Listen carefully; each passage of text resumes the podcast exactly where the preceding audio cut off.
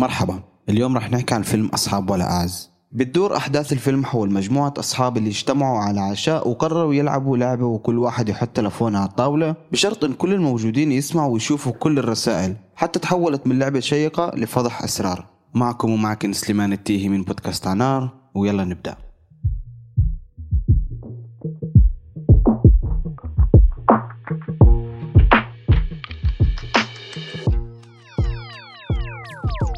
الفيلم هو كوميديا دراما من إخراج وسام سميرة وبطولة منى زكي جورج خباز ومجموعة نجوم سينما مصريين ولبنانيين.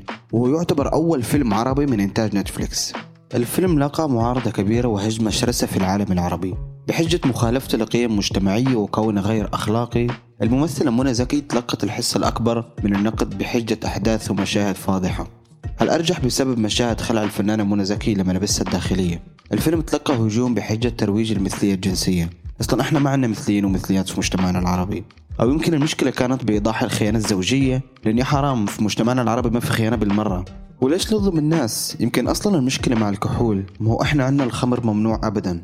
الصراحة أنا مش فاهم وين المشكلة مع القضايا المطروحة. بس قدرت ألاحظ شيء. لاحظت إن إحنا مجتمع منافق أحيانا.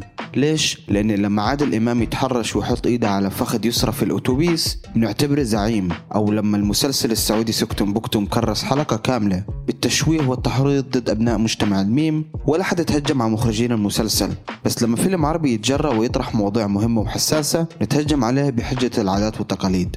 ولا حتى أكون منصف. في شي كنت بحب أشوفه بالفيلم وما كان. وتحليل القضايا اللي طرحها وطرح سبل التعامل معها أو تحايد الوقوع فيها. حسب الموضوع لكن بالمقابل على الأقل الفيلم طرحها بدون ما يحاول يطبعها أو أن يخلي المشاهد يتقبلها ويتعامل معها كأمور عادية خصوصا فيما يتعلق بالخيانة.